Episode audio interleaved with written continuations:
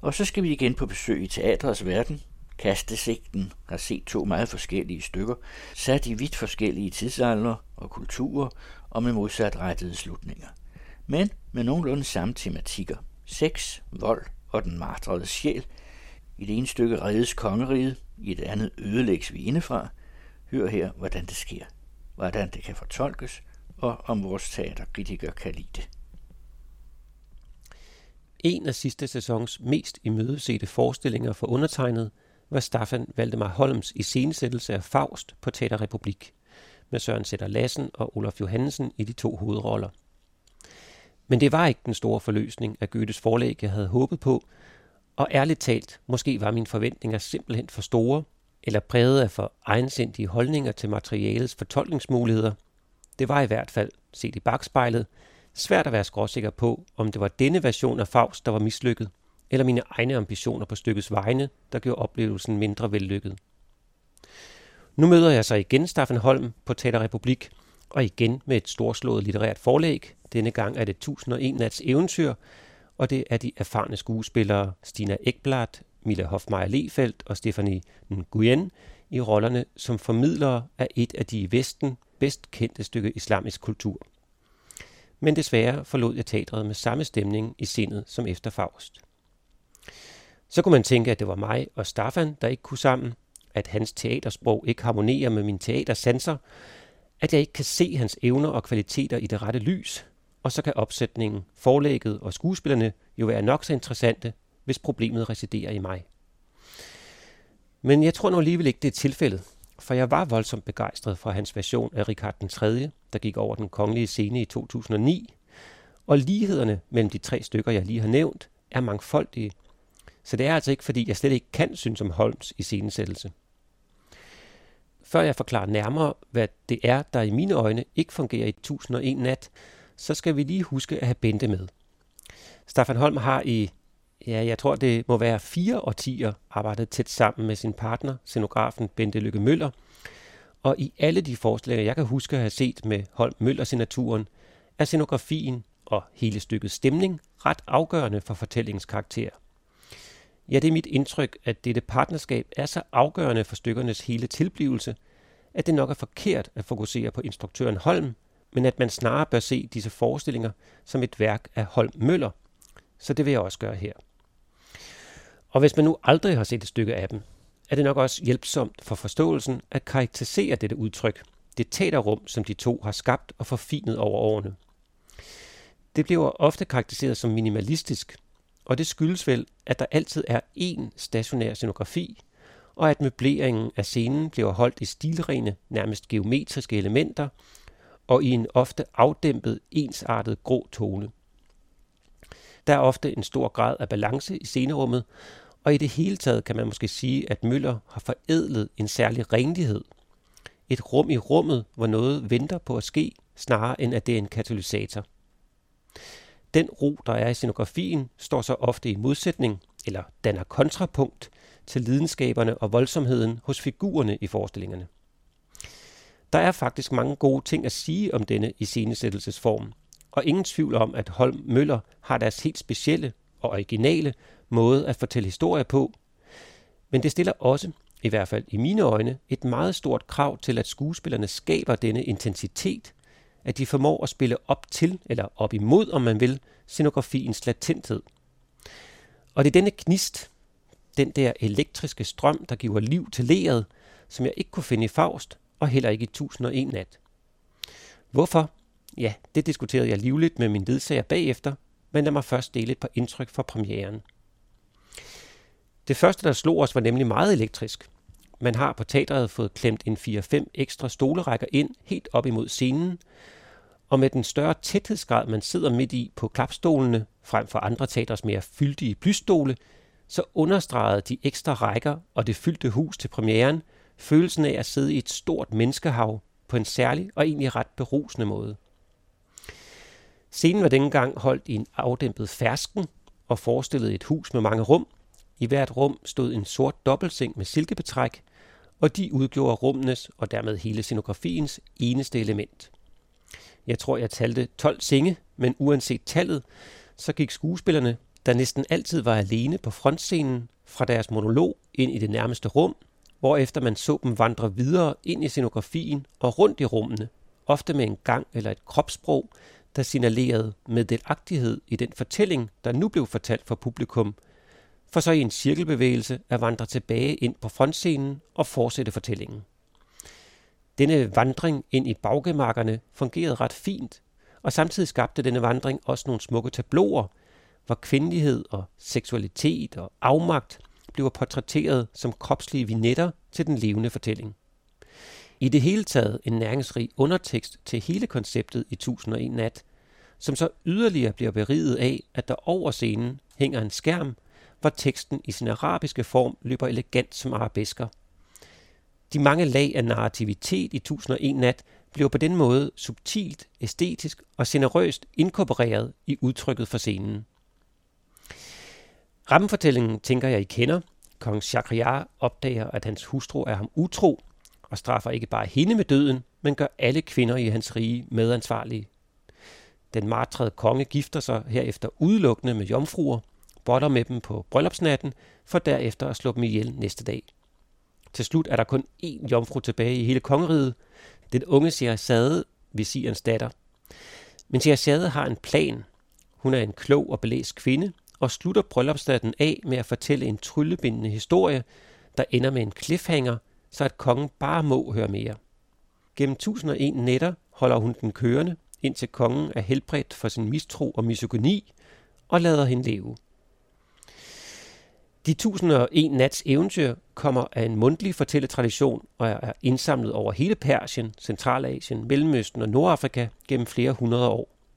De tidligste spor af en nedfældet skriftlig version daterer sig tilbage til det tidlige 8. århundrede, og den version, vi kender i dag, er formodentlig et europæisk remix af forskellige arabiske versioner fra det 14. århundrede. I sin helhed fylder de 1001 historier på dansk seks bind.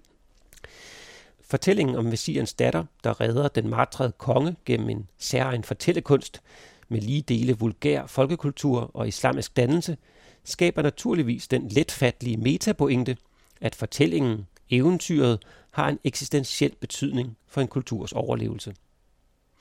Men, som I nok har anet, var det denne eksistentielle nødvendighed, denne liv eller død indlejret i den levende fortælling, som jeg ikke oplevede som værende særligt levende på Republik. Der var mange fine stafet-elementer i instruktionen, hvor skuespillerne afløste hinanden med beundringsværdig timing midt i sætninger og stemninger, hele tiden med den præmis, at der kun kunne være én fortæller på forscenen af gangen. Men selv dette fine trick blev lidt forudsigeligt, som stykket skred frem. Jeg synes, i modsætning til min ledsager den aften, at skuespillerne var for anemiske i deres genfortælling. Man mærkede dem ikke rigtig op på 15. række, hvor vi sad. Og så blev det simpelthen for monotont at høre på de mange historier, trods deres indhold af sex, mor, dæmoner og skæbne. Ja, irriterende nok var de mere filosofisk eller moralsk belærende historier fraværende, hvilket giver den Holm-Møllerske version af 1001 nat lidt for meget knald og lidt for lidt kulturel kontekst. Til med var det ikke helt klart, om de historier, der var med, havde nogen gensidig relation, eller hvordan de pegede ud over sig selv, for eksempel på hovedpointen. Der var bestemt fine passager undervejs, men ofte løb de lidt ud i sandet, uden at man var sikker på, om de var færdige eller ville vende tilbage senere i stykket. Jeg er nok ude på et skråplan, hvis jeg spekulerer højt om, hvorvidt man kan metafortolke dette trick, som en måde hvorpå, at Holm Møller repræsenterer et sygdomstegn i vores egen kultur på. Altså den måde, vores fortællinger mister deres iboende, helende energi, bliver fragmenteret og mister deres evne til at virke som en kulturbærende sammenhængskraft på. Ja, måske. Det er i hvert fald ifølge teaterets pressemateriale stykkets hensigt at kredse om fortællingens betydning for os. Anden halvleg, efter pausen, fik lidt mere styrke i sit udtryk. Om det var fordi, der indfandt sig en mand på scenen, i øvrigt i noget moderne kontorantræk, og uden andre replikker end nogle dyriske sexlyde, hvilket jeg desværre heller ikke formåede at afkode meningen med. Eller om det var fordi, at det først var her, at den fra det litterære forlæg velkendte rytme med selvstændige historier med indbyggede cliffhangers overtog stykkets struktur. Ja, når nu jeg har nævnt kongens kontorantræk, så bør jeg vel også nævne, at de tre kvindelige fortællere på højst forvirrende vis nu efter pausen kom ind i nye kostymer, der var vidt forskellige i udtryk og tidslighed, om end min ledsager mente, at de rent modehistorisk hørte til i 50'erne. Sherzade, som altså skiftevis bliver spillet af de tre skuespillere, formår i anden halvleg, måske simpelthen blot gennem genkendeligheden af, at vi nu forstår, hvor vi er i tid og rum, at samle og fokusere en savnet energi i fortællingen. Men selvom stykket gav mere fra sig efter pausen, var det ikke helt nok, og så forekom slutningen lidt abrupt og uforløst, ja, måske en anelse uelegant, hvilket er synd. Synd for forestillingen, men også for muligheden af at opleve skønheden i hele det højkulturelle islamiske bagtæppe, som 1001 nat er vævet af. Jeg nævnte, at min ledsager ikke var enig i min kritik af udtrykket for scenen, herunder skuespillerne, som man må formode beror på instruktionen snarere end disses evner. Men selvom hun, altså min ledsager, delte det overordnede indtryk, så var hendes mening, at skuespillerne kæmpede en beundringsværdig kamp med en tekstmasse, der var for tung, med et tekstudvalg, der skulle have været skærpet. Med andre ord mente hun, at dramaturen Karen Maria Bille havde gjort et mindre vellykket stykke arbejde. Jeg har haft god tid til at tænke over oplevelsen, men jeg har ikke kunne udruge en mere kongenial eller idiosynkratisk forståelse af Holm og Møllers hensigt med både valg og rytme i forestillingen. Men noget tid efter premieren, og efter jeg havde skrevet denne anmeldelse, var jeg ude at spise med en ven, der har arbejdet på flere af Holm Møllers forestillinger, og som er stor fan af dem og deres virke. Han havde dog hverken set Faust eller 1001 Nat, så vores snak drejede sig mere om generelle træk ved deres arbejdsmetode og hele indstillingen til det at lave teater. Han mente for det første, at jeg burde have fulgt min første indskydelse og droppe den lyttervenlige ferskenfarve og i stedet kalde scenografien i 1001 nat for kussefarvet. Det ville have været mere et tråd med Møllers farvevalg, mente han. Og så hævdede han, at makkerparet var de mest politiske teaterskabere herhjemme. Ja, han var kort sagt meget begejstret for dem som mennesker, og det lød på mig, som om, at når jeg knækkede koden til at forstå, hvordan deres verdenssyn lå indlejret i stykkerne, så ville jeg også komme til at synes meget bedre om deres teater. Vi talte længe om denne kode, som jeg åbenbart har så svært ved at decifrere, og jeg nævner denne samtale mest for at gøre opmærksom på, at hvis du trods min lunkne anmeldelse går ind og ser 1001 nat, så kan det være, at mine ord kan lede dig hen til at finde, hvad jeg ikke fandt. Og om ikke andet fik samtalen mig til at ihukomme, hvor respekteret Holm og Møller er i det danske teatermiljø for deres kunde. Nu vel, jeg må prøve igen. 1001 nat kan ses på Østerbro frem til 4. december, og så skal vi høre et digt. Indgyde livets vand i vores åre. Afspejl morgens vin i nattemørket. Åh, ny glædes fader, flyd gennem sjælens vener, som den himmelske gral, fyld op med begge verdener. Vis himlen, du der sniger dig rundt i min forstand, som lever af at skyde med pile. Spænd mit hjertes styrefjer stramt på buens streng. Sigt efter mit liv. Hvis fornuftens vogter formener dig adgang, forpurer din plan. Spil ham med pus. Spring bort fra ham. Bort forklar. Siger mundhældet, at de brogede ikke kender til godhed? Fortæl eventyr om den brogedes godhed til alderen hver. Stjernerne har spillet dig som en bonde, lavet dig marchere rundt, gjort dig skakmat. Vælg en springer, brænd tårnet, gå til kongen, rejs dig, sæt din hat på skrå, undvig fælder, kys åndens kind red lykkens lokker. Rejs dig til himmels, lær englene at kende.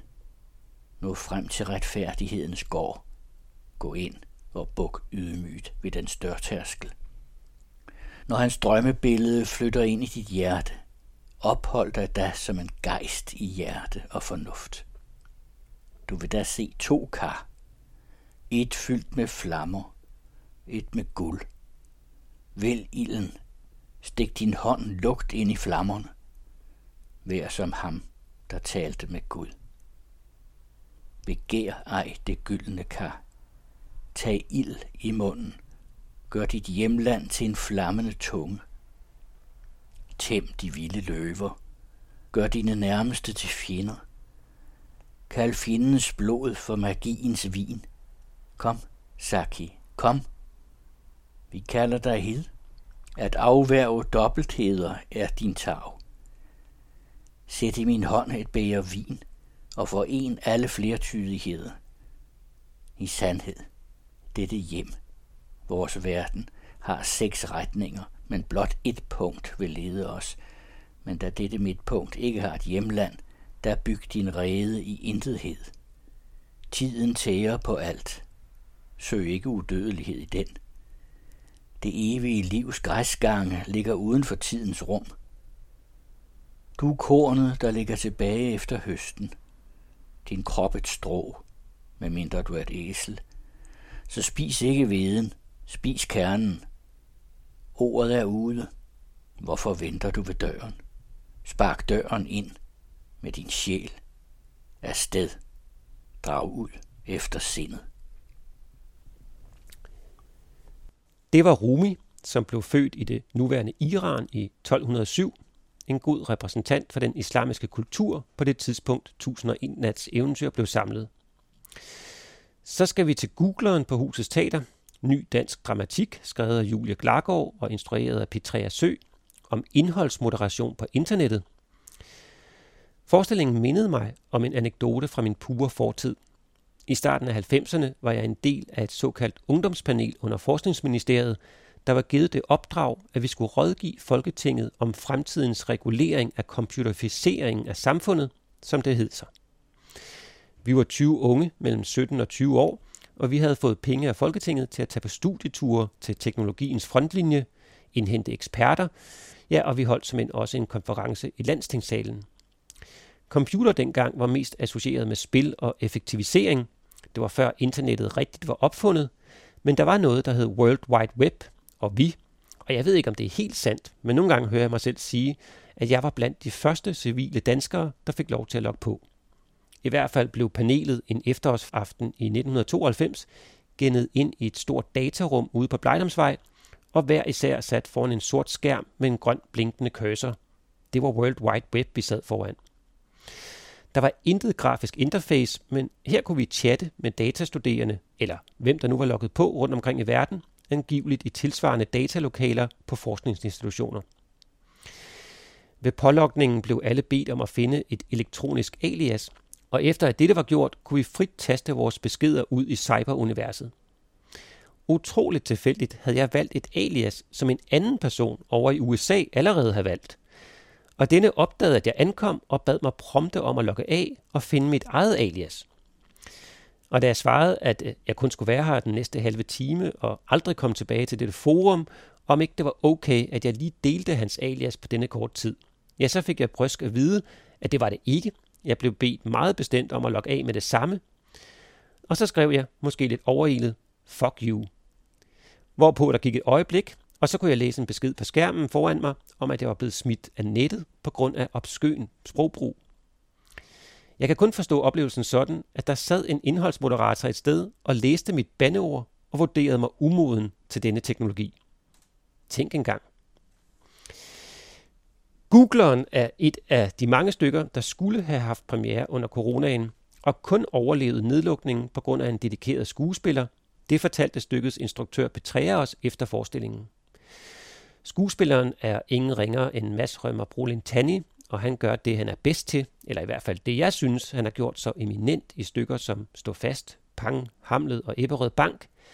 Han etablerer en personlig relation til salen med stor tilstedeværelse og med mod til og talent for de finurlige små, næsten usynlige tonefald, som kan være svære at gengive her i radioen, men som for eksempel den måde, han indleder stykket med at fortælle os, at vi er til et foredrag på Folkeuniversitetet, som jo normalt ligger i, ja, i Emdrup, tror han.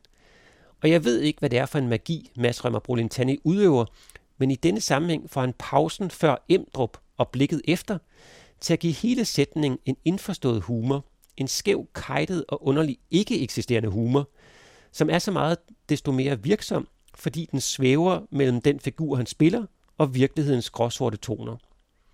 Ja, bedre kan jeg desværre ikke forklare det, men jeg er en stor fan af det, han kan. Det minder mig i øvrigt om noget, Paul Nesgaard engang sagde. Det var i forbindelse med en retrospektiv visning i Cinemateket af den legendariske tv-serie I Sandhedens Tjeneste, som i tre sæsoner gik over danskernes monopolskærme i 80'erne. Paul Nesgaard mente, at han jo i og for sig havde de nemme roller som dumt svin i serien, hvorimod hans kollega Nulle i to af de tre sæsoner skulle spille en godmodig karikatur af sig selv. Og at det er det allersværeste, man kan bede en skuespiller om, at spille en version af sig selv. Nu er det ikke, fordi jeg tror, at Mads Rømer Brolentani til hverdag er en kluntet, lun fætter med godmodige hensigter, men han evner i nærværende stykke at spille en skuespiller, der glemmer sine replikker på en meget troværdig og hjemmevandt façon gennem hele monologen. Og i hvert fald i den første halvdel emmer hele scenerummet af en Rømmer tannisk nærvær, og det er godt, for ellers kunne det hele nemt have faldet til jorden. Selve præmissen for manuskriptet er nemlig temmelig udulig, hvis I spørger mig og Ingeborg, som jeg havde med i teateret den aften. For Masses figur, som i øvrigt hedder Mass, er i stykkets univers, udover at være gift med Sande, far til tre børn og hævne de der typiske midaldrende danske sensibiliteter, hvor igennem han oplever verden, ja, så er han indholdsmoderator på internettet. Han sidder med andre ord 9-5 og trawler internettet igennem for skadeligt materiale. I kan vel nok selv gætte, hvad det er, og hvad det gør ved et menneske, der sidder og ser på det 8 timer om dagen, 5 dage om ugen. Og det er sådan set, hvad googleren handler om. Hvordan mennesket Mass er blevet syg i sind, hjerte og sjæl af alt det vederstyggelige, han ser på nettet hver dag. Alt det gyslige, som du og jeg, eller mennesker som du og jeg, siger Mads flere gange, uploader i store mængder hvert minut. Og det er desværre det, der virker så hult i forestillingens ellers velmenende og indimellem også velskrevne monolog. Det er jo netop ikke Mads, eller Rasmus, eller Ingeborg, der arbejder som indholdsmoderator. Det er jo for længst udliciteret til de varme, fattige lande. Det er mennesker i Pakistan, Bangladesh og på Filippinerne, der sidder og ser på vores mor, vores lemlæstelser og voldtægter, og uden at have anden reference til min påstand, end hvad jeg kan finde på internettet, hvilket i sig selv er en underlig møbiesløjfe, så sidder virkelighedens indholdsmoderator en del flere timer end 9-5, og de får helt garanteret ikke løn derefter. En artikel på internettet fortæller mig, at den typiske løn for en filippinsk indholdsmoderator, der arbejder 6 dage om ugen og ikke har noget ferie, er 2.000 kroner om måneden. Det er verdens orden, at sådan nogen som Mass og mig aldrig får lort på fingrene. Det har vi de fattige mennesker i det globale syd og fattige øst til – Stykkets præmis vil svare til en handling, hvor en ung dansk provinspige gik rundt i en svinestal hver dag og fik ondt i sjælen over, hvor synd det er for grisene. Den virkelighed findes jo ikke. Så hele præmissen om en pæn, kluntet dansk middelklassesmand med kone og børn tager S-toget ind på kontoret hver dag, og der sidder som indholdsmoderator, er simpelthen så skudt ved siden af, at det er svært at sluge. Og at teaterpublikummet på huset potentielt skulle have en flok lysttorturbødler i blandt sig, som vi hele tiden bliver mindet om i monologen, eller at stykket til med forsøger at udpensle, hvordan masker i opløsning, som om han var helt alene i verden med alt mørket. Jeg mener, hvis der skulle være indholdsmoderator ansat et sted i Europa, for ikke at sige Danmark, så ville de jo helt sikkert få psykologhjælp mindst en gang om ugen. Nej, men I forstår nok, hvad jeg mener. Det er simpelthen for utroværdigt. Man skulle tro, at hele bevidstgørelsen om vores tids kapitalisme, kolonialisme og konsekvenserne heraf aldrig har indfundet sig i det danske kulturliv, og det er jo ikke tilfældet. Og selvom stykkets psykologiske kurve, der beskriver, hvordan dette arbejdsliv får ham til at glide fra en lettere paranoid tilstand til helt at miste grebet, og derefter sin familie, for til sidst at sidde alene og forladt i et hjørne af scenen og lave primallyde. Ja, sådan set er den meget godt skruet sammen, det er bare lidt for... Nej, det er meget for tykt. Come on. I starten af stykket, og for at give os en fornemmelse af uhygge, så låser Mads alle dørene, der leder ud af salen, inklusiv brandudgangene. Han gør det for at vise os, at vi fuldstændig naivt og tossegodt og ubekymret lader os låse inden sammen med en fremmed, hvis hensigter vi ikke kender. Senere belærer han os om hvordan, at hvis nu et eller andet skete, en brand for eksempel, så vil halvdelen af os alligevel vælge den forkerte dør og omkomme, fordi vi ikke var agtpågivende, da vi ankom og lagde mærke til alle forhindringerne for at komme ud. Men disse eksempler forplumrer i mine øjne en meget mere nærliggende og potent metaforik, nemlig at vi alle sammen er lukket inde i internettet. Og at hvis vi ikke får ryddet op, får sat skik på, hvad der er derinde, ja, så går alle dårligdommene os i blodet, og vi ender med en sjældig forgiftning. Ja, hvis den da ikke allerede har indfundet sig. Den tråd kunne Googleren med fordel have hævet lidt mere eksplicit i. Masses personlige derut bliver aldrig rigtigt et fælles anlæggende. Okay, jeg har et noget distanceret forhold til internettet. Ja, tro det eller lad være, jeg har faktisk ikke internet derhjemme. Det er dog ikke, som nogen måske nu tror, fordi jeg bærer nag til internettet over udsmidningen i begyndelsen af 90'erne. Det er simpelthen mest på grund af en manglende tro på egen selvdisciplin. Jeg foretrækker at bruge min energi på noget andet, end at skulle slås med fristelsen om at se, høre og opleve det min øjeblikkelige lyst, eller mangel på opfindsomhed, hvert øjeblik faldbyder med et klik. Så heller læse en bog. Så jeg er måske ikke den rette målgruppe til dette stykke. Men Ingeborg, der var med i teateret den aften, er jo en af de såkaldt indfødte på nettet, og hun havde den refleksion, at de for hende at se vigtigste spørgsmål eller erkendelser, for eksempel at de elektroniske giganter, Facebook, Google med videre, har skabt algoritmer, der radikaliserer brugerne, noget der ifølge hende var dokumenteret og bevist. Og hvis det er sandt, så melder spørgsmålet sig måske, hvorfor får de lov til det? Hvorfor har vi tilladt en parallelverden, hvor nogle ganske få firmaer tjener penge på at vende op og ned på ret og vrang? Ja, helt grundlæggende ødelægger chancen for at skabe en fremtid, vi er sammen om. Ingeborg synes, hvis jeg forstod hende rigtigt, at Googleren beskæftigede sig med nogle bedagede spørgsmål angående vores internetforbrug, der var overfladiske i forhold til den viden, vi har om hele konstruktionen i dag. Log selv ud og gå ind og dan jeres egen mening om Googleren, Mads han går igen på husets teater indtil 23. november. Og på grund af forskellige omstændigheder ude af min kontrol, kom jeg først ind og se Lars Noréns Sandhed og Konsekvens på Sorte Hest i går aftes. Men nu kan jeg se, at den er blevet forlænget til 3. december, og det er en rigtig god anledning til at besøge det dejlige teater yderst på Vesterbro. Også i tirsdags havde Smask premiere på Mungo Park, og lige om hjørnet venter premiere på De Urolige på det Kongelige Ja, gå selv ind og se. Det var alt for denne gang. Hej igen. I hørte Rasmus Blæde Larsen. Rumis digte er udkommet på forlaget Vandkunsten, og på hjemmesiden er der links til stykkerne.